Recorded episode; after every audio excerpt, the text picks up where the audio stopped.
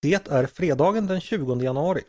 Jag heter Andreas Eriksson och du lyssnar på Ledarredaktionen, en podd från Svenska Dagbladet.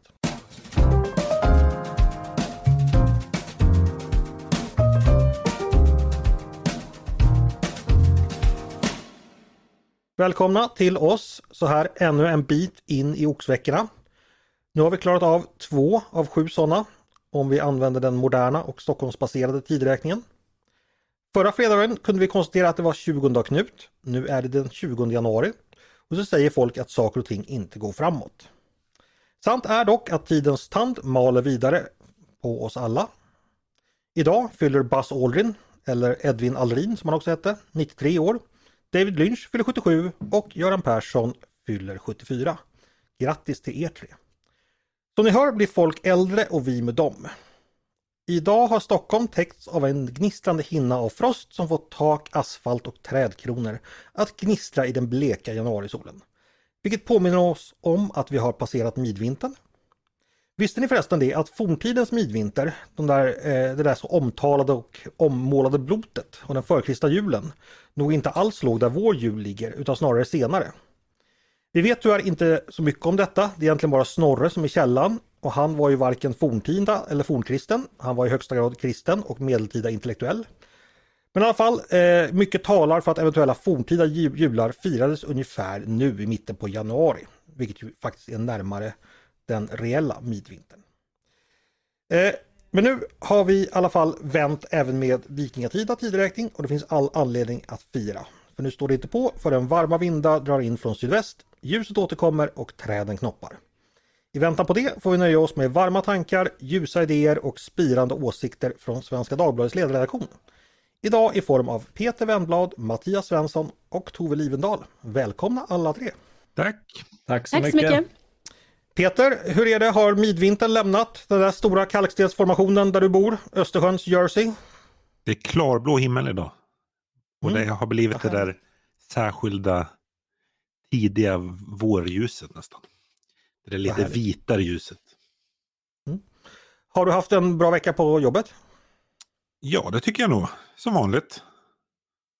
Som vanligt bra, det låter upplyftande. Mattias, du bor på Östersjöns Long Island. Hur har du det, det där?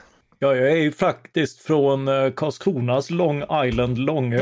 Eh, men, eh, eller inte från eftersom jag är uppvuxen på Björkholmen. Eh, men eh, jag trivs på öar också, också på denna. Kanske inte just i denna stund i mörkret, men det är relativt bra ändå. Mm. Solen skiner på, på, på Gotland och mörkret har, har sänkt sig över Lidingö. Det är märkliga meteorologiska förhållanden idag. Eh, Mattias, det är ju på förslag att du och jag ska åka till Bayreuth och se Wagner. Har du hunnit eh, boka biljetter än? eh, jag, jag, måste säga att jag var mer för det innan du nämnde priset än efter. Ja. Vi får väl höra med kassan själv här. Eh. Men, men om någon läsare vill bjuda på det så, eh, så är jag gay. Precis. Bakgrunden till det här nyspridda operaintresse det är ju vår chef Tove som plötsligt har spridit ja, operaintresset över redaktionen. Berätta Tove, vad, vad har du varit med om?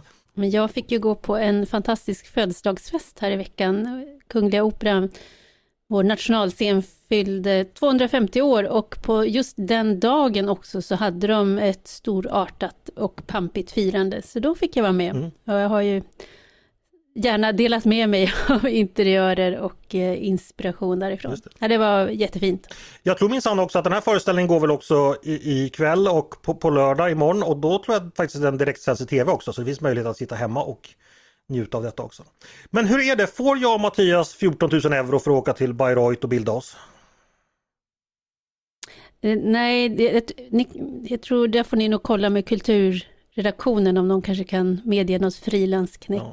Jag har tyvärr inte de resurserna. Det är ju inga pengar för våra norska ägare i och för sig så vi kanske ska höra med dem.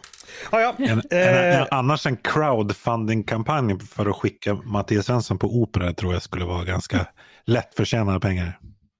Den skulle gå på 20 minuter. och sen skulle vi ha en dokusåpa i 18 avsnitt också vi skulle kunna sända efter det. Hörni, eh, vi ska dra igång med veckans ämnen och då ska vi gå från renguldet till eh, Östersjöns guld, eh, eller vad som en gång var det, nämligen ålen. En gång en älskad delikatess, numera akut utrotningshotad och föremål för stora diskussion, diskussioner. Eh, men det är inte det som har gjort vår vän Ålen till veckans snackus, att, eh, snackis utan det faktum att PM Nilsson, statssekreterare i statsrådsberedningen, ålagts eh, straffsföreläggande i form av böter. Ålagts? Ja, det var meningen att det var ett skämt som skulle passeras förbi. Det kommer fler sådana. Eh, ni som lyssnar behöver inte ha varit inne på Twitter för att inse att detta väckt reaktioner. Eh, både verklig och spelad upprivenhet, föga dold eufori och mycket diskussion och en hel del urskulden också. Samt också avgångskrav. Vi socialdemokrater landar i att det är olämpligt att han är kvar som statsministerns statssekreterare, säger socialdemokraten Ardalan Shekarabi och han fortsätter. I ett läge där regeringens viktigaste uppgift är att upprätthålla svensk lag och respekten för svensk lag är det minst sagt direkt olämpligt att den personen på den posten, också under tiden som han innehar posten, ljuger aktivt för svensk polis och försöker vilseleda svensk polis. Eh, kan vi börja där Tove? Eh, PM Nilsson ska avgå, eh, säger Socialdemokraterna. Håller du med? Jag håller med om att det varit ett dåligt agerande och att man inte bör ljuga för polisen. Eh, det bör man inte göra som medborgare. Gör man det som statssekreterare så blir det onekligen eh, en, en fråga som kan ja, skapa, skapa ytterligare frågor. Det vill säga att kan man vara säker på att statssekreteraren liksom talar sanning om han är kvar. Eh, men jag tycker inte att, att det han har gjort i sig nämligen tjuvfiskat ål, att det är, står i proportion till att han ska avgå som statssekreterare. Det här var då någonting som skedde innan han tillträdde. Det är fel, han får böta för det och eh, det finns liksom ingenting, eh, ingen mening att ursäkta brottet, men jag tycker inte att det står i proportion till att han behöver avgå som statssekreterare. Getting engaged is a moment worth cherishing. A one-of-a-kind ring that you design at Blue Nile can help your love sparkle. Just choose your diamond and setting. When you've found the one, you'll get it delivered right to your door. Finding the right engagement ring can be nerve wracking. At Blue Nile, you'll have the expert guidance needed and a diamond guarantee that ensures you're getting the highest quality at the best price. Cherish all of life's moments and save up to 30% at BlueNile.com. That's BlueNile.com. Men det här med att, ja det här med lögn, det syftar då på att han i samband med att det uppdagades då sa att ryssarna, de här fångstredskapen inte var hans. Samtidigt att han även hade upprepat det när polisen förhörde honom ett och ett halvt år senare ungefär, det vill säga strax före jul eh, förra året. Tove, det, det så att säga den, den ytterligare, eh, lägger inte det ytterligare sten på bördan så att säga? Ja, det är det, sen, det, är det senare som jag tycker är, är huvudproblemet. Jag menar, ja, människor begår ibland olagligheter och så att säga, det har vi system för. Eh, att han då när han blir på, påkommen på platsen har beskrivit hur det går till där, att han, han då är där i båten och håller på och grejer med de där ryssarna och ska kasta tillbaka småålarna och får man förmoda att ta med de stora hem. Eh, och då kommer de här personerna i en båt som han inte förstår vilka de är och eh, de frågar han, om det där är hans ryscher och då så drar han en rövare helt enkelt. Mm. Och eh, sen så fortsätter han att vidhålla det när, han är, när det även blir bekant för honom att det här är tillsyningsmyndighet och han beskriver att den här genansen gör att han liksom håller fast vid lögnen. Den situationen tror jag att många kan ha lätt för att förstå. Jag tänker att det är liksom lite grann så när man de här skogsägarna som ideligen stöter på folk på sina marker som är ute på en vinterpromenad och de bara råkar ha en yxa i handen och, och så kan det, kan det uppstå en hel del plågade dialoger i samband med mm. att man ska diskutera vad man gör ute där. Så det kan jag förstå, men sen då så är det ju så att han ett och ett halvt år senare blir upp, eh, kontaktad av polisen kring det här. Och det här är ju då strax före jul eh, som nyligen har gått och då ljuger han håller han kvar vid sin lögn och det, det är det jag tycker är det stora bekymret. Men jag kan samtidigt också, som du säger, rent mänskligt, det är ju ett lite genant brott, alltså det är ett skolpojkebrott, liksom, eh, ja, det, det är ju klart grövre än så eftersom det rör sig om utrotningshotad art, men det är, det är också ett ja. brott som framstår som genant. Och jag som själv är mycket på sjön och sådär, jag, jag skulle ju kanske också reagerat vad fan har folk med, med mina göranden på sjön att göra ifall någon kommer fram och frågar eller beter sig konstigt. Då, ja, jag kan förstå att reflexen finns där så att säga, eh, även fast det inte förlåter. Mm. Peter, vad tror du då om vi säger, bortse från värderingar här och talar liksom krasst hur medialogik och politisk logik fungerar. de här avgångskraven, är det, biter de tror du på något sätt? Kommer det, kommer det riskera att bli så eller kommer det bli så? Ja, vi får väl se vad som framkommer mer. Alltså, den här historien har ju lite den där potentialen som eh, brukar kunna bli politiskt problematiskt. Alltså att det kan, det kan framkomma mer. Det har ju spekulerats lite grann i om, om eh, Muharrem Demirok som är föreslagen som ny partiledare för Centerpartiet. Alltså, hans misshandelsdomar att så här, ja, kan det verkligen vara de enda gångerna man har varit ute och slagits? Att polisen har lyckats plocka en båda gångerna och det är väl lite samma sak här. att Det här mm. eh, det är väl inte osannolikt att det här inte var första och, och enda gången som, som det, det här har skett. Eller PM har ju själv, PM har ju själv skrivit om det att, i sina egna kanaler tidigare om hur han har fiskat ål. Mm. Med tanke på vad vi vet om svensk polis så är ju all, 100% i uppklarningsprocent är ju alltid lite något man funderar över. Eh, Mattias, eh, hur allvarligt ser du på detta? I'm all ears.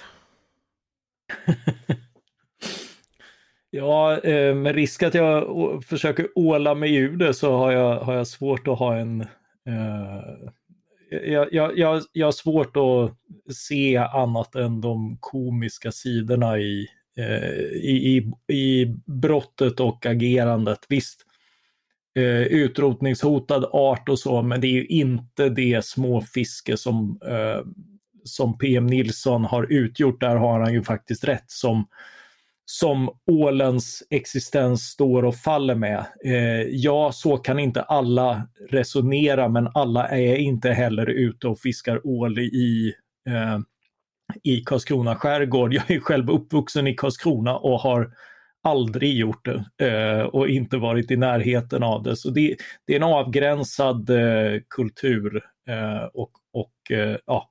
Mm. Okej. Okay. Eh, ja. Men det finns ju en sån där harm som lätt kommer upp som handlar om att Ja men det är många nu som träder fram och säger men jag, jag älskar ål liksom och sådär men jag äter inte för det gör man inte. Nu är den liksom nu får man ge sig tills den, den har, återväxten har skett och sådär. Och då blir det på något sätt det här att, ja men om, vad, vad tar han sig för, för rättigheter? Jag avstår minsann, jag försakar. Det borde han också göra, lite, den sortens reaktioner Är det lite, lite Yorkshire-män det där? Alltså, jag älskar ål, jag lever på ål, jag, livet, det var det som var mitt liv, livs mening men jag avstod ändå från ålen. Och sen dess har jag inte kunnat äta någonting alls för ål är den enda föda jag tål. Men lik förbannat så håller jag, alltså ni, ja. men jag, lite, jag, tycker, jag. jag tyck... Frossar lax och ål på räntan av sin dotters profession. ja, Peter? Ja, nej men jag tycker ändå det börjar påpekas att brottet som PM har begått är ju att fiska ål. Det är ju inte förbjudet att äta ål. Alltså det finns till, tillåtet ålfiske. Eh, så ålfisket längs Hanöbukten är ju klassat som nationellt kulturarv och det, det arrangeras ju eh, stora ålagillen på, mm. längs i nordöstra Skåne, alltså söder om Åhus kring det som då kallas för Ålakusten eh, varje år. Så att det är ju det finns ju där. Det finns ju där. Peter, det ja, låter som du vill berätta någonting. Ja, du lät väldigt urskuldad att, att äta ål är inte förbjudet Peter. Naturligtvis inte. Och inte heller vi dömer dig. Gå nu och synda Nej, inte mer. Också ätit, jag har också ätit ål. Jag var faktiskt på Ålagille här eh, denna höst. Eftersom jag har mm. eh, ja, släktingar som... Men inte bor... hos PM Nilsson? Nej, jag var, jag var hos den legendariska ålafiskaren Honsa Eh, Eh, du kan fråga vilken människa som helst boende i nordöstra Skåne om vem Hans är och de kommer känna till honom. Hörrni, eh, jag tror vi har sagt det mesta som ska sägas om det här. Eh, en aspekt till som vi faktiskt diskuterade redan på, på morgonmötet det är det här med att eh, vi tänk, eller jag tänkte på att Anna Dahlberg, PMs tidigare kollega, eh, politisk chefredaktör för Expressen, hon gick ut och sa att Eh, PM är en hyvens person, vilket då ingen tvivlar på, men också en, stor naturvän och sådär. Vad tänker vi om sånt när liksom opinionsbildare går ut och pratar om privata relationer, privat, vad man vet privat, är det relevant eller inte? Vad, vad tänker du om det Tove? Eh, ja, det, det, är väl risk att det blir det som Peter brukar kalla för klägg. eh, att man eh, här är ju liksom trixigt när man brukar säga att man ska skilja på sak och person, men nu är det ju personens agerande saken. Och då blir det lite mer trixigt. Men eh, och, för det är ju också så att jag förstår instinkten. Jag, med, det, det, finns, jag tänkte också när jag hörde det, talas om det att ja, men det här känns okaraktäristiskt. Vi är inte privata vänner men eh, det liksom finns ingenting jag har sett tidigare som tyder på att det här skulle vara en hal ål som far med lögner och ägnar sig åt fuffens utan tvärtom liksom väldigt eh, ja, eh, så, så det är klart att man går, det är ställd inför ny information så blir det alltid så att man ställer den i relief till vad man redan känner till. Man försöker se om den pusselbiten man har fått passar ihop eller avviker från det man tidigare vet. Och det, eh, I den meningen så, så gör jag samma reflektion som Anna, men som känner honom väldigt väl. Men sen får man försöka hålla isär det när man ska skriva och debattera. Och det finns ju alltid en risk också att man eh, uppfattas även inom medierna bli vänskapskorrumperad, att man håller varandra om ryggen och ser mellan fingrarna när det gäller personer man känner och tycker om och sådär, så att man inte har förmåga att bedöma eh, sakligt och kyligt vad, vad, vad som har hänt och hur man ska titta Precis, på det. Men det kan ju också vara relevant tänker jag, för nu ska jag ta ett exempel, Mattias ursäkta mig, men exempelvis om Mattias skulle blivit anklagad för att varit i bråk med någon och fällt massa rasistiska omdömen om den personen. Då hade jag utan tvekan gått ut och sagt så här att det här är bull. Jag känner Mattias sedan 15 år tillbaka. Han är ingen människa som slänger rasistiska Alltså då, hade, då skulle jag mena att detta var relevant. För då skulle jag säga, jag skulle inte kunna uttala mig om frågan överhuvudtaget, vilket jag kanske inte borde, men ändå liksom om någon frågar mig. Då är det mer eller privata kunskap om Mattias faktiskt tycker jag är relevant. För då, då förstår ni vad jag är ute efter här? Att det, det kan finnas en idé och att man helt enkelt vill stå upp för det som är sant och riktigt. Tänker jag. Eh, det kanske är dumt, det kanske man inte ska göra som opinionsbildare. Men det finns ändå något, ja en instinkt i alla fall. Liksom. Eh, Mattias, ursäkta jag tog det som exempel men förstår du vad jag menar? Jag, jag, förstår precis vad du menar. Jag, jag, tänkte apropå det här exemplet med Anna Dahlberg så var det någon som påpekade att, eh, att hon också drivit linjen att, eh, att det ska bli olagligt att inte säga sanningen till polisen. Eh, och jag tycker det här exemplet eh, på två sätt illustrerar varför det inte var något särskilt genomtänkt förslag. Därför att eh, för det första så så är det ju liksom ett exempel på vilka är det som skulle åka dit för de här förslagen? Jo, det är ju liksom de, de som har dragit en de som är ovana vid att prata med poliser, som inte, inte liksom genom ständiga kontakter lär sig precis vad man kan säga och inte och har slicka advokater som, som hjälper dem i detta. Eh, utan det är ju amatörer som har begått småbrott och så, och så blir det mer ett, ä, eh, ännu mer polisadministration av den typen av, av lagar. Och det andra är att du också höjer insatsen för att sen berätta sanningen så att brottet kan klaras upp, vilket ju PM eh, faktiskt gjorde. Om han dessutom hade liksom ett extra straff kommande för det här så, så ökar man ju tröskeln för att, för att faktiskt berätta mm. sen. Eh, känner vi oss nöjda med eh, Ålagate så länge? Eller vill, vill någon annan pytsa in något ytterligare? Ja, men jag skulle ändå vilja lägga till att jag tycker att den här liksom karaktärsbeskrivningen som Anna Dahlby gör är helt ovidkommande. Alltså att, mm. att brottslighet liksom går på tvärs med en människas övriga karaktär. Alltså det är inte någonting som är unikt för PM Nilsson. Jag skulle säga att det är eh, mer eller mindre standard att alla, liksom alla människor rymmer den typen av, av paradoxer. Det är ganska få brottslingar som är så förhärdade att det liksom ligger i linje eh, med deras karaktär. utan Mm. Ja, en, en, langare kan vara världens bästa storebror och liksom en eh, skattebrottsling kan vara en, en fantastisk chef eller vad, vad det nu är. Liksom. Det, vi är ja. dubbelbottnade på det sättet. Ja, och man ska ju vara jävligt ond för att liksom ha skjutit sönder en förskola i Texas eller så här, för, för att prästen inte ska leta fram en granne som sa han hälsade ju alltid så vänligt eller sådär. Liksom det, ja, folk, ja, men precis. Det är, ju det, det är ju, den, det är ju liksom en, en jättevanlig reaktion när brottslighet uppdagas. Det hade jag aldrig kunnat tro. Nej, mm. det är just det som ofta karaktäriserar brottslighet. Mm. Precis, så att då kanske det är märkligt att om man har då opinionsbildare som vänner så dras det fram, men har man inte det så kommer inte det dyka upp i offentligheten på samma sätt. så att Nej. det blir. Ja, det är en god poäng. Men hörni, eh, vi ska gå vidare för detta är inte allt som har hänt i veckan. Eh, det finns annat också. Nästa fråga jag skulle vilja känna er på pulsen kring det rör vår eh, NATO-ansökan och framförallt eh, hur den har påverkat vår relation med Turkiet. Kort bakgrund bara där så att lyssnarna är med för att det har hänt ganska mycket på sistone. Eh, förra helgen höll Ulf Kristersson ett tal på Folk och Försvars rikskonferens i Sälen. Där han menade att Sverige nu gjort vad man ska i processen. Eh, man har helt enkelt uppfyllt det avtal eh, som skrevs under på, med Turkiet i Madrid förra året. Därefter skedde då det här med Erdogan-dockan i torsdags förra veckan. En grupp som är motståndare till Sveriges NATO-ansökan och agerar, säger man i alla fall, i solidaritet med den kurdiska saken. De hängde upp en docka som föreställde Erdogan utanför stadshuset. Eh, och det var inte vilken docka som helst, det var alltså Erdogan som han hängde upp och ner som, en, som avrättad. Detta fick svenska politiker att reagera med avsky, eh, både stats och utrikesminister men också Socialdemokraterna fördömde aktionen. Från Turkiet fick vi höra att den här dockan är ett tecken på att Sverige inte uppfyller kraven på att bekämpa terrorism. Eh, därifrån har dessutom kommit nya krav på utlämningar av vissa personer. Och det är väl ungefär där vi är idag här finns förstås mycket att tala om. Och då tänkte jag att Mattias skulle få bollen först. Eh, ja, det finns ju flera saker att lyfta här. Vad skulle du vilja börja och eh, som du tycker är viktigt att vi, vi pratar om?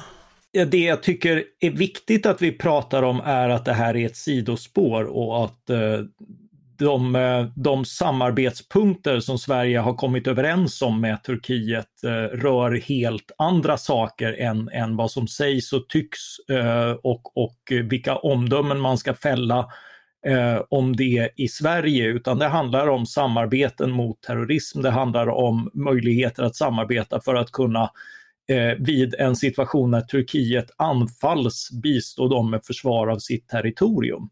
Eh, och, och det är vad man kommit överens om i, eh, i Madrid i det här memorandumet och Sverige har eh, uppfyllt sina punkter och nu väntar vi på, på att Turkiet ska uppfylla sina, men istället kommer det då en massa en massa nya och andra krav som inte har med detta att göra och det är ett av mm. dem.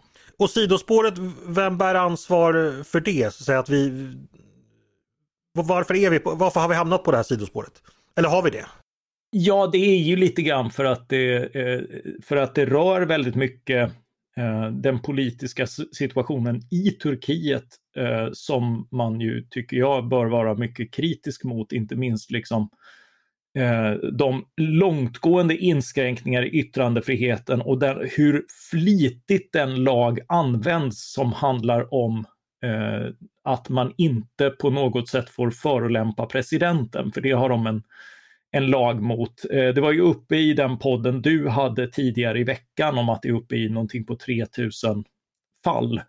Eh, och det var 2000 redan för ett antal år sedan och jag gick ju tillbaka och tog några av de de roligaste fallen där, eh, där, där Erdogan bland annat liknats vid, vid eh, Sagan om ringen-karaktären Gollum, vilket ju inte är särskilt eh, smickrande eh, rent estetiskt eller kanske personlighetsmässigt heller.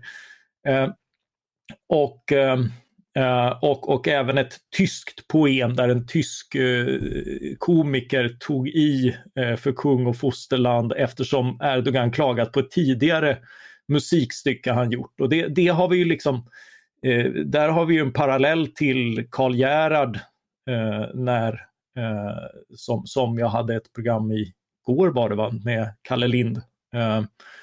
Om, eh, om hur Karl Gerhard satte upp eh, nazistkritik, vilket förstås eh, ledde till att eh, propåer från Tyskland om att detta borde han sluta med. Eh, så, så det här att främ, när främmande makt kommer med synpunkter på eh, vad som yttras, eh, då finns det förstås en möjlighet för, Eh, för svenska regeringar att tycka och tänka om det här och det, det, har, eh, det har regeringen gjort. Det kan de göra, det ingår i yttrandefriheten att kunna fälla omdömen om det.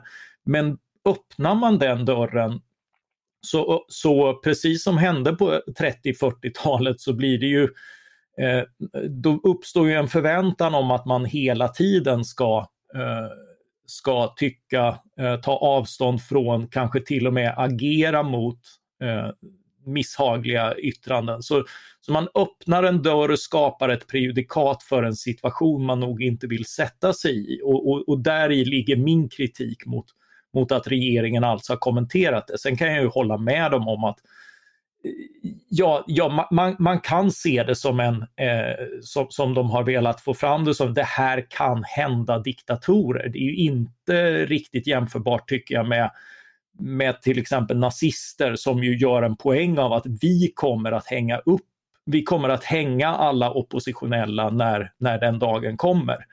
Eh, Men kom igen, det är klart det kan uppfattas som hotfullt mer... om man, det här kan hända dig. Akta dig så det inte händer en olycka. Oh, liksom. oh ja, oh ja, oh ja, oh ja. Det, är, det, är, det är en gräns men det är inte, det är inte riktigt Nej. där. Men, men det är klart att, att den här typen av uttryck är osmakliga. Okay. Är men, inget, men du landar alltså då ungefär den, den, artikel som eh, Nils Funke skrev, jag tror det var på vår debattsida i Svenska Dagbladet om att Risken är när politiker börjar uttala sig om det här är om att uttala sig om allt. För i framtiden kommer även uteblivna uttalanden ses som ett uttalande. Eh, och det finns ju politiker, politiker som har sagt, vi kan ju dra oss till minnes Anders Fogh Rasmussen i, i Danmark då under den första karikatyrkrisen 2006 då han inte ville säga någonting för han säger att ja, vad tidningar skriver i mitt land kommer inte jag bry mig om. Eh, på mm. sätt och vis är det falskt, för det är klart en, en statsminister även deltar i den allmänna debatten och ifall oppositionsledaren skriver en artikel där han skriver att statsministern har fel så kommer statsministern svara på det också. Så att, ja, Ja, eh, men, men, men, Mattias, men, men förlåt, det, förlåt, det, är, det, är, en rimligare hållning till främmande I det här fallet, makt, i det här fallet landar du i att Billström och Kristerssons, att de fördömde det här direkt och att det var så avskärt. Var det fel, fel tycker du? Ja, det tycker jag var fel. Dels för det här prejudikatet det skapar och dels att man spelar med Turkiet när de försöker att få in NATO-processen på ett annat spår än där det borde vara och där Ulf Kristersson placerade det i i Folk och Försvar på ett okay. väldigt bra sätt. Jag tycker att man borde hålla den linjen mer än en vecka. Tove, håller du med Mattias om hans kritik mot regeringens agerande? Ja, jag tycker det hade varit bättre att hålla sig kylig och eh, ligga lågt av, av de skälen som har tagits upp. För det är ju också det där att Eh, Eh, det blir, det blir en belöning även till de här personerna som hänger upp dockan. Eh, det är ju en slags pastisch där på den här ikoniska bilden av Mussolini som hänger upp och ner och eh, då visar man att om vi gör tillräckligt grova saker så kommer vi, kan vi provocera regeringen att känna sig nödgad att göra uttalanden och jag tycker att, att det ska gå så lätt så att säga att spela regeringen, det är inget budskap vi vill skicka till Ankara heller. Nej, okej. Okay. Peter, vad säger du? Nej, jag kunde inte vara mer enig och vi har ju redan sett vad det här har lett till. Det är ju ingen slump att nu Rasmus Paludan ska bränna koraner utanför Turkiets ambassad. Alltså det handlar ju också om att framkalla den här typen av, av reaktioner. I, ja, I framtiden då, eh, om då Paludan, han ska ju då bränna, jag vet inte om det ska ske i helgen eller om det ska ske, ske framledes. Eh, då ska regeringen inte säga någonting om det, detta, tänker ni? Nej. Tove, du med också? Nej. Vi tiger från och med nu, från regeringshåll. ja, ja. Jag, har, jag har ingen makt över regeringen, men det skulle vara ett, ett råd. Mm, Okej. Eh, ja, som Mattias nämnde så talade vi om detta i, i podden i tisdags. Då deltog Mikael Salin, vår tidigare ambassadör i Ankara, samt Olof Ehrenkrona. Och eh, då pratade vi väldigt mycket om hur, ja, det här handlar ju väldigt mycket om vad som sker i Turkiet också. Eh, president Erdogans eh, intressen inför det val som kommer ske senare i år. Eh, opinionssiffror som inte ser allt för lysande ut eh, och så vidare. Så där, där, får man, går vi mycket mer på djupet i så den hårda realpolitiken bakom det här. Eh, Mattias, vill du lägga till något ytterligare kring detta just kring eh, relationen med Turkiet och att agera tillsammans med en allierad vars, vars demokratiska halt vi ibland, ja, som du nämner, tvivlar på? Ja, men just då är det väldigt viktigt eh, att, eh, att skilja på vad man ska samarbeta kring och vad det inte handlar om. Eh, där, därför att i, eh, i krigssituationer så uppstår koalitioner eh, mellan fienders fiende. Mm. Eh, I andra världskriget så besegrades Hitler med hjälp av Stalin. Mm. alltså den typen av, av koalitioner kan bli nödvändiga Eh, och den typen av samarbeten. Men det betyder ju inte att USA skulle bli Sovjetunionen. Det betyder ju inte att Sverige ska bli Turkiet eller gå dem till mötes eller importera minsta del av, av deras syn på yttrandefrihet eller vilka man kan utlämna, utan det är svenska lagar som avgör det. Vi samarbetar mot terrorism och vi samarbetar kring eh, länders eh, ja, om, område, territoriella integritet. Det, det är vad, eh, vad NATO handlar om, så, så låt oss inte göra det till något annat. I, i, an, I andra världskrigets fall skulle jag i och för sig kanske säga att det var Stalin som besegrade Hitler med hjälp av USA. Så kan man också beskriva det. Hej, jag Ryan Reynolds. På Mint Mobile, we like to do the opposite of what Big Wireless does. They charge you a lot. We charge you a little. So naturally, when they announced they'd be raising their prices due to inflation, we decided to deflate our prices due to not hating you. That's right. We're cutting the price of Mint Unlimited from $30 a month to just $15 a month. Give it a try at mintmobile.com slash switch. $45 upfront for three months plus taxes and fees. Promo for new customers for limited time. Unlimited more than 40 gigabytes per month. Slows. Full terms at mintmobile.com. Hörni, eh, vi ska gå vidare. Då ska jag bara passa på och slänga in lite rättelser här emellan också. Eh, vi råkade i en podd, inte den här veckan, men förra poddveckan när vi pratade om USA, då råkade jag säga att det var, ja, jag sa fel kongress helt enkelt. Det är förstås den 118 kongressen som samlades nu i januari och ingenting annat. Eh, så att det blev rätt. Eh, sen har det också uppstått lite oklarheter kring en fråga jag hade i frågesporten då förra veckan. Då rätta svaret på, ett, på vad skotsteken används till det var då att man ska uh, foga samman två linor. Då har flera hört av sig och sagt att skotsteken då, det är sant men det ska användas för att uh, sammanfoga två linor av olika dimension. Uh, ja, vilket är mer rätt då. Eh, men det var då några också som föreslog att man skulle använda råbandsknopen för att sammanfoga två linor som är lika tjocka. Och det kan man göra ifall det handlar om ett förband eller ett omslag eller om man binder ihop segel eller något sånt där. Men här vill jag nog ändå varna mot att använda råbandsknopen. Eh, och det säger också om man då läser The Ashley Book of Knots som är då standardverk när det knopar så är, sägs då råbandsknopen helt enkelt inte vara säker för detta. Den tål inte belastning på samma sätt. Men jag och en brevskrivare kom överens om att en lämplig kompromiss här skulle kunna vara en karrikstek eh, som är då en kan man säga en råbandsknop fast med en extra knut på helt enkelt. Så den kan ni googla ifall ni behöver. Men skotstek går förstås också bra. Ja, kan, inte, kan inte du starta en knoppodd? Du tycker jag ska sluta prata om knopar nu låter det som. nej, nej, du får göra fler knop. Precis. Eh, ja, och så hade vi då ett fel på ledarsidan eh, som jag bara vill kort nämna. Eh, apropå det ämnet vi just precis pratade om när Mattias talade om en eh, ein president mit kleinem Schwanz. Men nu är det ju så Mattias att mitt det är en preposition som gör vad då? Försöker du leka Monty Python nu? Det är en preposition som styr dativ, aus, auser, bei, gegenüber, mitt, nach, seit, von, zu. Nu är det så att i modern tyska används stark böjning eh, då ett attributivt adjektiv inte föregås av någon böjd artikel. Och då får adjektivet, i det här fallet då klein, en ändelse som påminner om artikeln eh, och det är då kleinem, svans. Så ska det bli. För att svans är ju ett maskulint ord eh, på svans lämpligtvis. Vi har eh, faktiskt folk som har ifrågasatt detta, men, men jag lämnar det åt tyskexperterna. Om eh, ja, inte är någon. Eh, nu, ja precis, du kanske får ett antal tyska lektorer min, på oss. Min, min vokabulär i tyska begränsar sig till saker som inte lämpar sig för familjeunderhållning som ja. detta program.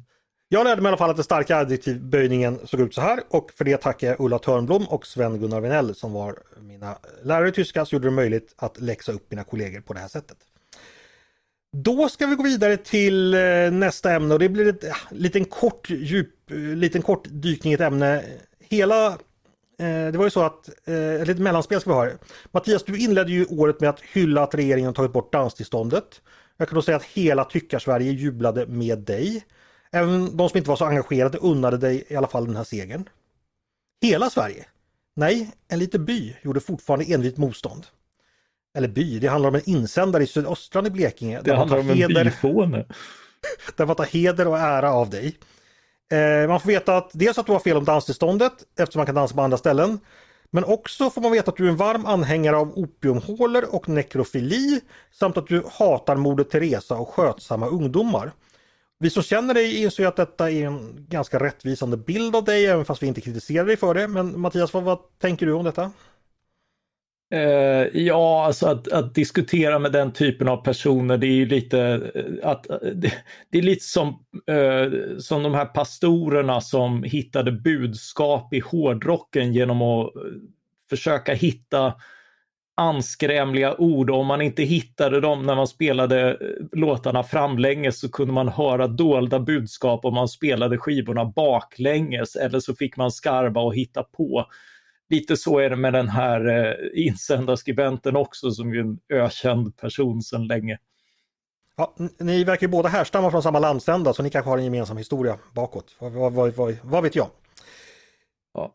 Jag ville också bara eh, ett, ett litet tillrättaläggande här Andreas mot din framställning därför att det är ju inte bara en, en insändare som har invänt mot det här utan faktum är att eh, i den borgerliga tyckarsfären som är en bred kyrka så har faktiskt Barometern skrivit ledaren inte läge för segerdans. Utan de säger att danstillståndet infördes av en anledning, dess avskaffande är ogenomtänkt och innebär en säkerhetsrisk. Så att det finns faktiskt fler röster i den här debatten. Finns det. Eh, den galliska byn har fått uh, sällskap. Hörni, vi fortsätter. Då ska vi prata... De, de kanske inte var lika rasande på mig dock. Nej, de nämnde det inte. I veckan kom ju nyheten om att regeringen har beslutat om det hittills största militära stödpaketet till Ukraina. Det rör sig bland annat om granatgevär, pansarskott, automatgevär, minröjningsmateriel samt stridsfordon 90 eh, och en robot 57. Allt detta till ett värde av drygt 4 miljarder kronor. Dessutom har Försvarsmakten fått i uppdrag att förbereda överlåtelse av Archer, det här artillerisystemet eh, som vi har. Peter, eh, ett stort paket, mycket pengar, mycket vapen. Gör regeringen rätt som gör detta? Absolut. Det är ett väldigt avgörande skede i kriget så att eh, Ukraina behöver det. Hade de rent av borde skänka mer eller gjort det här tidigare? Det tycker jag är svårt att bedöma. Jag vet inte exakt hur. Det här behöver ju styras av vad säger, den Ukrainas behov och önskemål, inte att vi ska skänka så mycket som möjligt. Alltså, sådana här vapensystem är ju inte bara att slänga ut på slagfältet utan det behövs ju vara personal som tränas för att kunna använda det här på ett slagkraftigt sätt. Mm. Eh, du har ju tittat lite på det här i, i större perspektiv. Du skrev en text bland annat om eh, Tyskland och dess våndor. Varför är det så viktigt att stödja Ukraina just nu?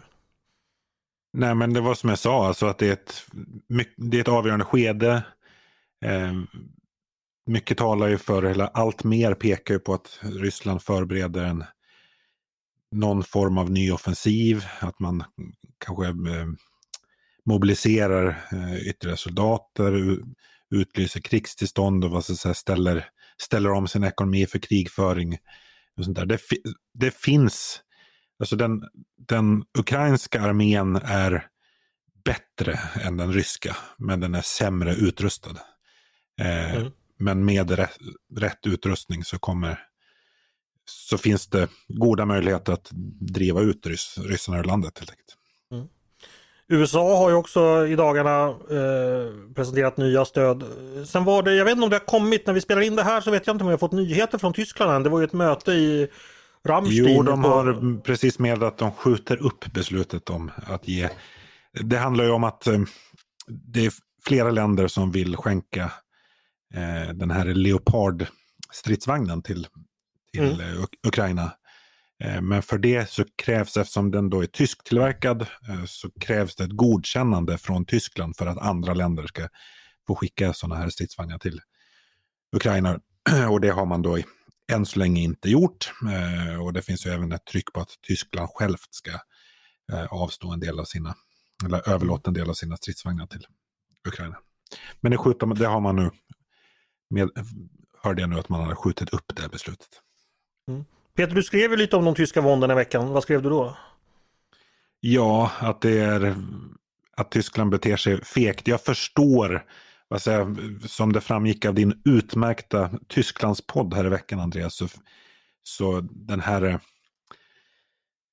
det, det, sitter ju djupt efter kriget i, liksom, eh, i tysk politik och hela liksom, den tyska eh, militärdoktrinen att man inte ska, eh, vad ska jag säga, krig ska vara absolut sista utvägen, att man inte ska eh, gå först när det gäller eh, eh vapenstöd och, eh, och sånt där. Men, men eh, här är det tydligt, alltså, jag följer ganska mycket så, ukrainska nyhetsmedier på eh, den här appen Telegram så gott det går eftersom det då står, eh, inte bara på engelska utan även på kyrilliska. Men det har ju varit väldigt påtagligt vilken otrolig vrede det finns mot eh, och besvikelse över det tyska agerandet. Att eh, Tyskland inte liksom har förstått eh, situationens, jag kanske har förstått situationens allvar men inte liksom sin egen roll eh, i det här. Mm. Precis som Peter säger så har vi haft en podd om det här. Den kunde man lyssna på i onsdags. Eh, och då, då, där medverkade e- Erik Thyselius och eh, Alina Engström eh, från FOI.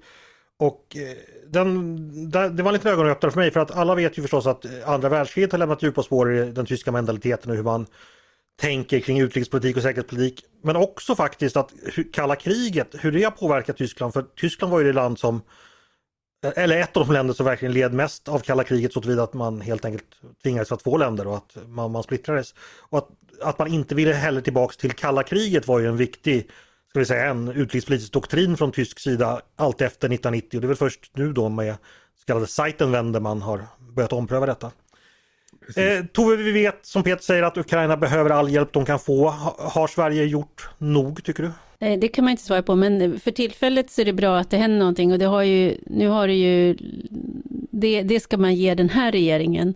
Att de eh, har inte släpat fötterna efter sig, vad jag har förstått, utan man har jobbat på det här och eh, nu verkar ju då som man också ska förbereda för det här med Archer och det är en del, det som Peter säger, det är inte bara att man skickar över dem utan det, det kräver en del för att göra det också. Men ja, det är viktigt och det är ju... Eh, jag tänkte på, jag var i, var i en diskussion här förleden, och det var i och för sig apropå med det här med Turkiet, men slutsatsen blev därifrån den här personen att nu, nu, nu ska Sverige inte, Sverige ska inte gå med i NATO därför att hennes slutsats var att om Turkiet dikterar hur Sveriges regering ska prata och säga, då ska vi inte vara med i NATO. Men grejen är att vi ska vara med i NATO för att kunna försäkra oss om att få säga det vi tycker även framgent. Och eh, den situation som eh, man har i Ukraina nu, det, det är en... Det, det, är bara att titta på det och fråga sig om eh, vi vill ha den typen av av säkerhetsordning i Sverige, eller i, i Europa där det här kan förekomma. Och det finns inget annat svar på det än att säga att vi måste göra allt vi kan. Så att, eh, det, och vi har, vi har också skrivit i flera artiklar att vår försvarsgräns, den är i Ukraina just nu. Mm. Det, och det, att den insikten nu följs av handling är välkommet. Visst är det ändå fantastiskt hur ändå saker och ting har utvecklats. Ni minns ju krigets första veckor då den dåvarande regeringen då, det här med de första pansarskotten som skickades iväg då som Vänsterpartiet, de var ju mm. rakt emot det. Alltså det, det var ju en helt annan diskussion för bara ja, mindre än ett år sedan.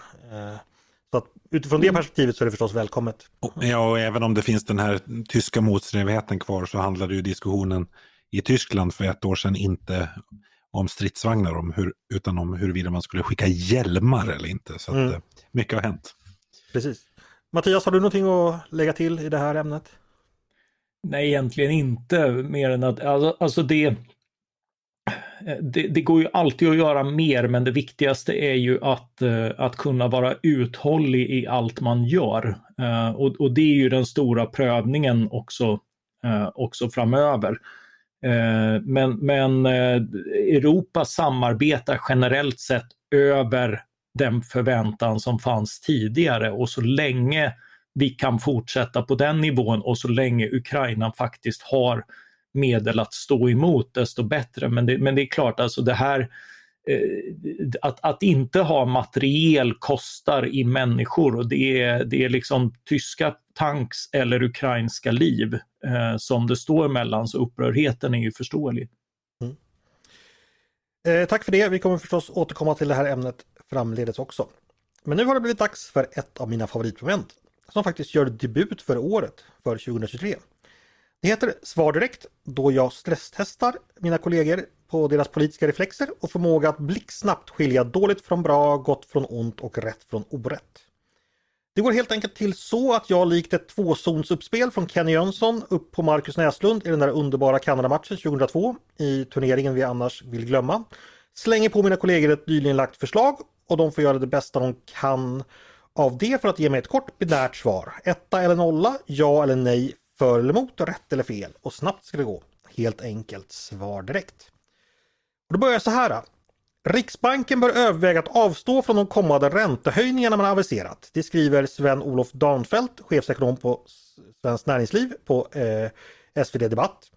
Detta för att eh, det inte finns något starkt inhemskt inflationstryck, att den globala prisökningen kommer att avta, att de långsiktiga inflationsförväntningarna ligger kvar på inflationsmålet samt att en räntehöjning skulle störa lönerörelsen eftersom sådana skulle leda till kompensationskrav från arbetstagarsidan vilket gör att vi riskerar en spiral av löneinflation. Vad tycker vi om detta? Finns det skäl för Riksbanken att på grund av de, de här argumenten avstå från en räntehöjning? Ja eller nej? Jag vill ha svar direkt. Nej. Ja. Ja. Ja, eh, ska Mattias börja plädera mot eh, det här förslaget från chefsekonomen på Svenskt Näringsliv? Eh, ja, alltså eh, inflationen är väldigt hög. Föreställningen att, eh, att, att den kommer att försvinna snabbt är önsketänkande. Det fanns, eh, det fanns redan förra året. Eh, de, de, de som uttalade sig högst och mest eh, sa att det här är, det här är snabbt försvunnet, eh, men det är inte det vi sett. Och, och liksom, eh, Riksbankens räntenivåer är fortfarande väldigt låga. Det finns anledning att eh, överväga takten man höjer i och sådär. Eh, men, men att det behövs en anpassning uppåt fortfarande givet den höga inflationen är, är ganska otvetydigt. Mm. Peter, du, du svarade tvärtom och du har dessutom skrivit om detta nyligen. Ja, nu minns jag inte riktigt hur du formulerade frågan, ehm, men det var väl om det fanns skäl att överväga. Avstå. Skäl att avstå. Att, och det, och det ja. gör det ju. Sen säger jag inte, nu blir det hårklyveri här, men jag säger inte att man ska göra det. Men, men jag tror att eh, många eh, tycker att det är väldigt oklart vad Riksbanken som vill åstadkomma med aggressiva räntehöjningar eftersom inflationen i så hög grad är drivet av energipriserna. Och det är inte som att elräkningarna blir lägre för att eh, räntorna höjs. Eh, och det har varit, jag skriver ju idag, det är en uppföljning på en eh, artikel i vår näringslivsdel just om hur den nya riksbankschefen Erik Thedéen, hur, hur tyst han har varit. Han har egentligen inte sagt någonting om hur han ser på vad han har för liksom räntepolitisk linje eller hur han ser på Riksbankens liksom samlade uppdrag. För det är ju faktiskt så att Riksbanken har ett, det är inte deras enda uppdrag att säga, se till att inflationen håller sig kring 2% utan också ta någon slags samhällsekonomiskt helhetsansvar. Och det finns ju risk för att, som jag formulerade i texten, samhällsekonomin krossar skallen mot vindrutan när, när Riksbanken liksom stampar på räntebromsen. Mm. Vi kan säga så här att vi får väl återkomma i den här frågan för här eh, tycker ju redaktionen lite olika. Vi har diskuterat det här internt. Det kan jag väl avslöja Tove att vi har, har haft en del, del interna diskussioner om detta. Eh, så vi kommer säkert både i podd och i text återkomma till detta. Nu har vi nästa. Eh, från och med årsskiftet är det lag på att katter ska registreras hos, hos Jordbruksverket. För att, eh, och för att göra det behöver alla katter ID-märkas. Tanken med detta är att höja kattens status och göra det lättare för bortsprungna katter att återförenas med sina människor. Vad tycker då Svenska Dagbladets ledarredaktion om detta? Är vi kategoriskt för detta eller är det en katastrof? Obligatorisk registrering av katter, är vi för eller emot? Jag vill ha svar direkt. Mjau. Emot. Jag är emot. Tove? Ja, jag tror också att jag är emot. Varför det? Vill du inte göra det lättare för katter att hitta hem igen? jag, så här, jag har ju sett en, del, en del som argumenterar för att eh, vi, kan väl börja med att få lite ordning på folk först innan vi ger oss på fä. Så där. Jag vet inte om det, det är inget argument för eller emot just den här frågan. Men ja, jag vet inte, jag är uppvuxen på landet. Jag tänker att det där med det, det, löser sig, men jag, jag, vet inte. Jag är, jag, det finns säkert goda argument som jag bara inte har tagit del av. Jag har inte satt mig in i frågan. Jag är kattmänniska men har blivit allergisk, så jag det är bara med sorg jag hör om kattnyheter eftersom jag vet att jag aldrig kommer att få ha glädjen av katt själv. Det var inte meningen Tove, eh, att såra dig på det här sättet. Eh, men, men får jag fråga, känner ni till det här med, med nya kattreglerna? Ja. Mm. ja. Det har smugit sig förbi. det har smugit sig förbi. Mattias, du är emot det för att, varför? Det är, det är på ren instinkt. instinkt. Okay. Eh, plus, att, plus att med register så är jag ju rädd, rädd för att eh, katt får ett S framför sig. Ja, just det. Det, det, det kan lätt bli så. Snart blir det båtskatt, kanotskatt, skatt på kärror. Hörni, vi tar en till, eh, den sista. Sverige borde snarast utöka det nationella vaccinationsprogrammet för barn eh, för att också omfatta vattkoppor. Det skriver barnläkaren Pontus Johansson på DN Debatt. Detta för att ett effektivt vaccin finns. Idag vaccineras ungefär vart femte barn. Eh, vattkoppor orsakar lidande och framförallt stort produktionsbortfall i form av vab som kostar samhället flera hundra miljoner varje år. Vad tycker panelen? Bör vi vaccinera alla barn mot vattkoppor? Ja eller nej? Jag vill ha svar direkt. Ja. Ja, tycker mm. Ja, eh, på, på instinkt svarar jag ja här. Peter, varför vill du sätta sprutor i små barn? Eh, ja, av ungefär de, av. ungefär de skäl som du eh, redogjorde för. Ja, eh, okej. Okay. jag själv faktiskt vaccin, jag hade inte vattkoppor i, som barn så att jag har eh, själv vaccinerat mig i vuxen ålder. För det är ju faktiskt så att det kan få ganska allvarliga följder om man, mm. om man får det när man är vuxen. Ja, jag fick bra. det rätt sent så det var ganska obehagligt. Så, så jag är ju definitivt för att det finns vacciner. Mm. Men jag kan ju konstatera att varken katter eller vattkoppor eh, engagerade på samma sätt som räntor. Eh, om jag avläser redaktionen rätt. Hörni, vi ska gå vidare. Eh, Tove, du ska bara helt kort presentera en ny, eh, heter det krönikör eller kolumnist? Vad brukar vi säga? På sidan. Ja, vi har båda delarna. Det här är en kolumnist. Det är en kolumnist. Eh, på. Berätta. Jo, men det är så. Vi har, eh, jag tror att de är nio i dagsläget, kolumnister. De skriver ju i det som också typografiskt på sidan utgörs som en spalt eh, på torsdagar och lördagar. Sen har vi då krönikörer och de brer ut sig på helsidor lite då och då. Och sen har vi Jan-Erik Larsson som är med i krönikör. Men kolumnister har vi och nu är det så att eh, på lördag imorgon så blir det premiär för eh, vår nya kolumnist som heter Edvard Blom och är välkänd gastronom och kulturhistoriker. Mm. Eh, så det ska bli, det är jätteroligt. Vi tillkännagav det igår och det blev väldigt positivt gehör, åtminstone ute i sociala medier och ett annat mejl också. Mm. Precis, och det, det, har också publicerats en eh, liten intervju med Edvard också där han berättar lite vad han tänkt skriva om. Är den publicerad än? Den är publicerad och det är inte en liten intervju där han berättar lite om sig själv utan det är en ganska lång intervju på 9000 tecken tror jag. Där han Allting gott och alldeles för mycket. Ja, verkligen. Nej, men, och sen är det så, det, jag träffade ju Edvard första gången när jag jobbade på Svenskt Näringsliv och han jobbade på Centrum för näringslivshistoria.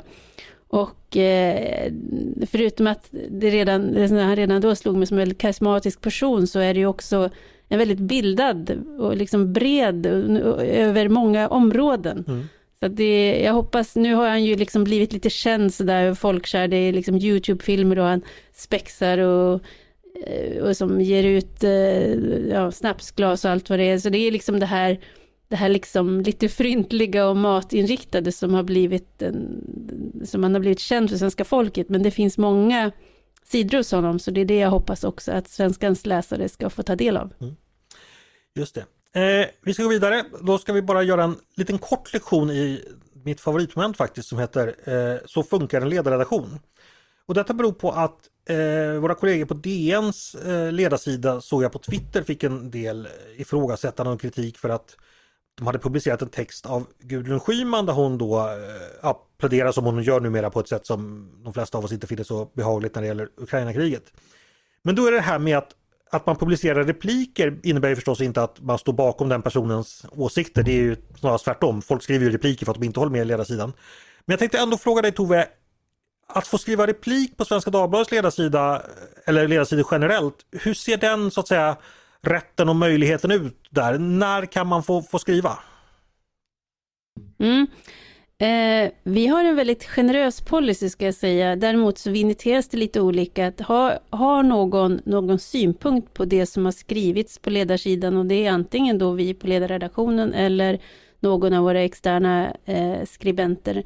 Då kan man höra av sig. Och en replik, då krävs det, eh, om det ska kallas för det, att man är apostroferad, det vill säga nämnd vid namn. Mm. Då, då kallas det för replik. Och då är det viktigt att man Ja, så, eh, så det är kriteriet för det. Sen om man inte nämner namn men ändå har starka synpunkter i frågan, då kan man skriva vad vi kallar för en kommentar.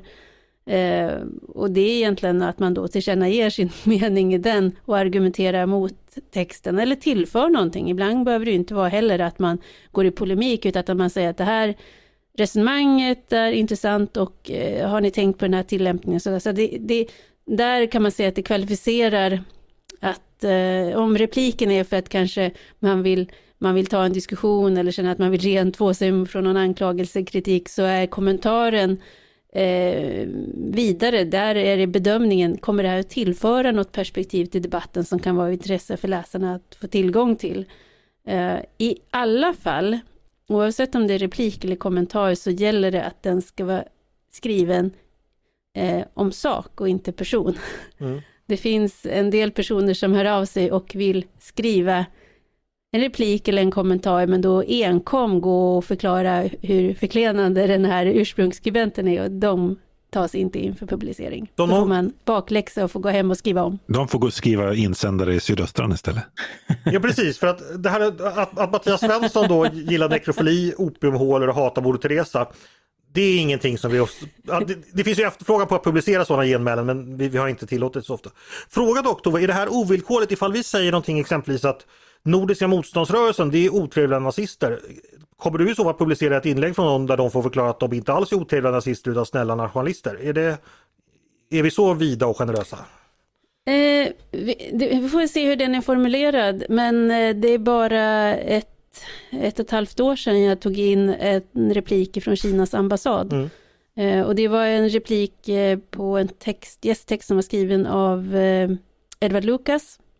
Eh, och eh, där så fick Kinas ambassad möjlighet att replikera och eh, vår kutym är också alltid att om det skrivs en replik eller en kommentar så har ursprungsskribenten möjlighet att i anslutning till det skriva en slutkommentar så att den som har publicerat sig hos oss först får också sista ordet. Eh, och eh, eh, det, det, det, är inte givet att man skulle ha gjort det. Eh, I det här fallet ska jag säga att Edward Lucas själv var väldigt stark tillskyndare av att Kinas ambassad skulle få replik och, och verkligen argumenterade för det och tyckte att det är viktigt. Och det kan man ju också säga att det är ju styrkan, tycker jag också, med, vi, med fri press i demokratier, att vi tar debatten i sak då och så får vi titta på hur argumenten ser ut. Eh, och det, det är ju, tycker jag, då en styrka om man då jämför vårt samhälle med det kinesiska. Alldeles utmärkt, då fick vi det utrett. Därmed har det blivit dags att gå vidare till dagens sista moment som också råkar vara mitt favoritmoment. Det är det vi kallar Är du smartare än en ledarskribent? Ni känner vid det här laget väl till momentet, eh, men för nytillkomna lyssnare ska jag bara kort förklara vad det går ut på. Tänk På spåret, men tänk bort Göteborg och den stora budgeten. Tänk Vi i femman, men tänk bort mogna och förståndiga tävlingsdeltagande. Det vi talar om är alltså en frågesport. Jag testar ledarsidans skribenter på några triviga frågor. som möjligtvis på något långsökt vis anknyter till dagens diskussion. Ni som lyssnar kan också vara med och svara och svarar ni snabbare och rättare på mina frågor än vad Tove, Peter och Mattias förmår att göra. Då är ni helt enkelt smartare än just dessa ledarskribenter och har därigenom återigen bevisat att man inte behöver veta särskilt mycket för att ändå ha rätt. Reglerna kan ni. Man svarar genom att säga sitt namn. Vill man chansa innan jag läst färdigt frågan så får man det, men då slutar jag läsa och man riskerar att få minuspoäng. Eh, man har ett svar per fråga och vinnaren får en veckas evig ära. Är ni redo? Ja. Ja. ja. Det har ju talats en del om ål på sistone, bland annat i det här programmet. Så jag tänkte vi skulle gå all in på det temat. Eh, ålen, detta gåtfulla djur vars väsen och levnad är föga förstådd ännu i denna moderna tid. Mysterierna är många, myterna ännu fler. All That She Wants blev en känd så kallad monsterhit 1993. Bandet hette förstås Ace of Base. En av medlemmarna i bandet ingick också i den första generationen aktiva i Sverigedemokraterna. Han var enligt partiets egen vitbok bland annat sekreterare för partiets Göteborgsförening när det grundades 1988. Vad hette denna popstjärna Peter. och sverigedemokrat? Peter? Ulf Ekberg. Visst gjorde han det. Helt rätt. Ja, inte bara han heter det fortfarande faktiskt. Det heter han fortfarande. All Tomorrow's, Tomorrow's Parties är en annan poplåt, förstås hämtad från Velvet Underground och Nikos berömda skiva från 1967. Omslaget är designat av Andy Warhol och föreställer en... Ah, jag tänker inte fråga vad den föreställer en banan, för det vet ni. Nej, frågan lyder egentligen. Eh, på den första utgåvan av skivan var det något särskilt med den här bananen som inte kommer att upprepas i framtida utgåvor med undantag för en japansk utgåva på 80-talet. Vad var detta? Det här borde jag, trivia som jag borde kunna. Mm. Nej, Jag kan säga att den är väldigt, ska man ha det här samlarobjektet som det är då eh, i orört skick så är, får man betala väldigt mycket pengar för det. Jag kan Någon som vill chansa? Ska, ska jag chansa? Det kan man göra men det kostar inget minus Peter. Eh, ja men att det var tryckt i guld. Nej, så fint var det inte. Nej. Eh, men det var ganska häftigt för det var faktiskt ett klistermärke. Då stod det bredvid Peel slowly and see. Så kunde man då ta bort det klistermärket och under var det en rosa köttfärgad banan. Under. Så var det. Här visste jag ju faktiskt. Ja, eh, vi fortsätter. När jag tänker ål tänker jag förstås på Bläcktrumman, Günter Grass debutroman från 1959, älskad sedan dess. Den utspelar sig mestadels i en stad eh, som när historien börjar är en delvis självständig så kallad fristat eller Freistadt. Vad heter den staden som nu ligger, mera, ligger, he- ligger i Polen och har ett annat namn? Antingen det tyska eller det polska namnet går bra. Det var en fristad då när Bläcktrumman utspelar sig. Ja men eh, Peter, Ja, låt höra. är det Danzig det? Det är helt rätt. Eller Gdansk som det heter numera, när den ligger i Polen. Två poäng, övriga noll. Mattias, är du med? Jag hör inget från dig. Eh, det var faktiskt, eh, det låter töntigt, men det var precis det jag tänkte chansa på, men jag ha- hade förstås ingen aning. Hörrni, idag är det precis två år sedan Joe Biden svors in som USAs 46 president. En ceremoni som kanske främst är ihågkommen för en bild på Bernie Sanders där han, som spreds över internet. Där han hade munskydd och ett par stora tumvantar på sig. Vilken färg var det på de här tumvantarna? Jag vill ha minst två av de olika färgerna. Peter, Mattias? Peter var först. Tove. eh, Peter svart, och, svart och brun. Det var de. De var svarta, grå, bruna, beigea och gräddvita. Eh, ett poäng till dig också Peter. Eh, tyckte, ni- tyckte ni de, de var snygga? Nej. Mm. Ja, Men det var rätt Jo, roligt. de var fina. Det var rätt roligt. Hörni, All fortsätter prata om. All in the Family het, hette en legendarisk amerikansk sitcom som började visas i Sverige långt senare. Då kallades den Under samma tak. Enligt Wikipedia bygger humorn delvis på the real life clash of values between the greatest generation and the baby boomers. Det vill säga den generation som är född i början på 1900-talet och den som generation som är född alldeles efter andra världskriget. Men vad kallas den generation som föds just nu? Det vill säga den som i väst anses komma efter generation Z. Det är en generation som föddes efter introduktionen av sociala medier och smartphones vars skolgång kommit att domineras av covid-19 pandemin. Peter, Peter? är det det som är millennials? Nej, de är äldre faktiskt. Det här är faktiskt millennials barn. Millennials är ju de som kommer efter vi som är Xers. Mattias? Ja, Mattias? Det är väl generation Y? Nej, det är, det, det, är millennials som är det. Det här är alltså de generationer som föds nu, alltså på, på 10 och 20-talet. Det går faktiskt att räkna ut eftersom den förra generationen mellan millennials och det här var mille- generation Z, så nu har man fått börja om igen så det är generation alfa. Ja, så var det. Ja. Eh, always look on the bright side of life avslutar Monty Pythons film Life for Brian. Men vem i Python-gänget är det som är upphovsmannen och som också sjunger?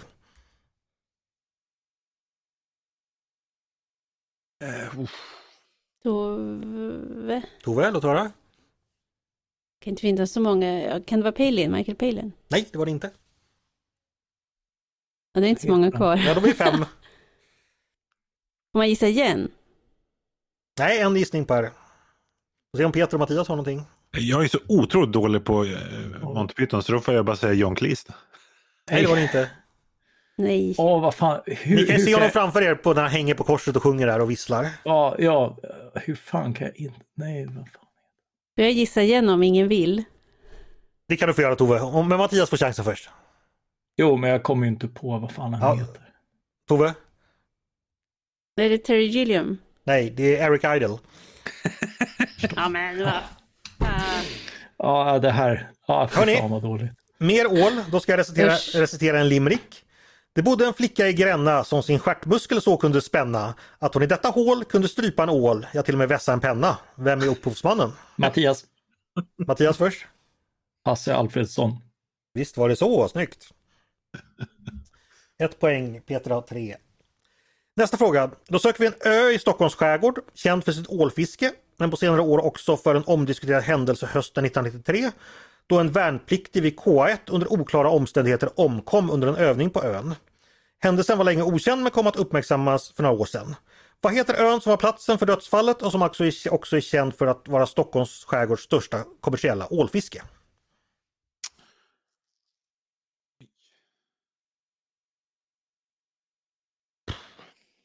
Det är svårt där. Mattias. Mattias? Är det Dalarö? Nej, det är det inte. Nej. Dalarö är nog ingen, det är väl en halvö snarast. Jag, jag, slänger in eh, Singö fast om, jag vet inte ens om det ligger i skärgården. Singö ligger eh, norr om skärgården. Ja. Eh, uppåt, ovanför Norrtälje. Nej, rätt svar är Järflotta. Ja, jag hade det på tungan. Hörni, 2014 rapporterades det om frånfället av en väldigt gammal ål som hade bott i en brunn i hela sitt liv och som troddes vara 155 år gammal. Ålen var också döpt efter orten där den bodde, en ort som också är känd för en viss sorts sillinläggning bland annat, med bland annat kryddpeppar, lök Peter. och dill. Peter? Branteviksålen. Visst var det det, minns du den? Ja, men jag, jag läste ju eh, den här ålevangeliet för något mm. halvår sedan. Den förekommer ju där. Nu ska jag säga att åldern på den här ålen har inte kunnat bestämmas. Den påstods då vara släppt av en pojke 1859. Men eftersom ålen, när man hittade bara ålen död och då saknades dess hörselstenar eller otoliter som det också heter. Och har man inte dem så kan man inte bestämma åldern på ålen. Och tyvärr är de så små som sandkorn så nu har man tagit sanden på botten från den här brunnen då och går igenom sanden för att leta upp hörselstenarna där men hittills har man inte lyckats. Hörrni, Ålakusten ligger som Peter så riktigt anmärkte tidigare på Skånes ostkust mellan Åhus och Kivik. Från Åhus kommer en känd svensk författare och intellektuell, tillika fotbollsspelare och doktor i filosofi samt tidigare medarbetare på Svenska Dagbladets ledarsida. Mattias? Mattias? Eh, pratar du om Ann Heberlein? Nej. Nej, det gör jag inte. Jag tror inte hon har spelat fotboll. Eh, jag... Eh, Nej, jag tänkte helt fel här, så nu fick jag minuspoäng också. Ja, då är jag tillbaka på noll. Eh, tidigare medarbetare på Svenska Dagbladets ledarsida. Eh, en stor eh, Malmö FF-supporter dessutom. Ja, förstås. Förstås. Men ja, Peter. Ja. Jag, jag, jag, är, är Björn Ranelid, har han varit medarbetare på Svenska Dagbladets ledarsida? Nej, men han är Nej. väl inte doktor i filosofi heller? Nej, det är inte det heller. men fotbollsspelare och stort Malmö FF-fan i alla fall. Och den här personen har också eh, långa tider bott i, i USA, i Texas bland annat. Ja, alltså jag vet ju vem det är. Ja. Tove, du har din gissning kvar? Ja, ja nu är jag med. Det är helt blankt. Får jag en ny chans? Eh, ja, eftersom Tove fick det tidigare. Först, i så ja, Okej, okay, Mattias först. Mattias först då. Ja, det är ju Roland. Ja, det är Roland Poirier Martinsson, helt rätt. Mm. Eh, ålar förekommer förstås också hos Fritiof Nilsson Piraten, bland annat form av den väldiga ål som smeden Wricklund kämpar mot i Bombi Bitt och jag. I filmatiseringen från 1969, vem spelade Bombi Bitt?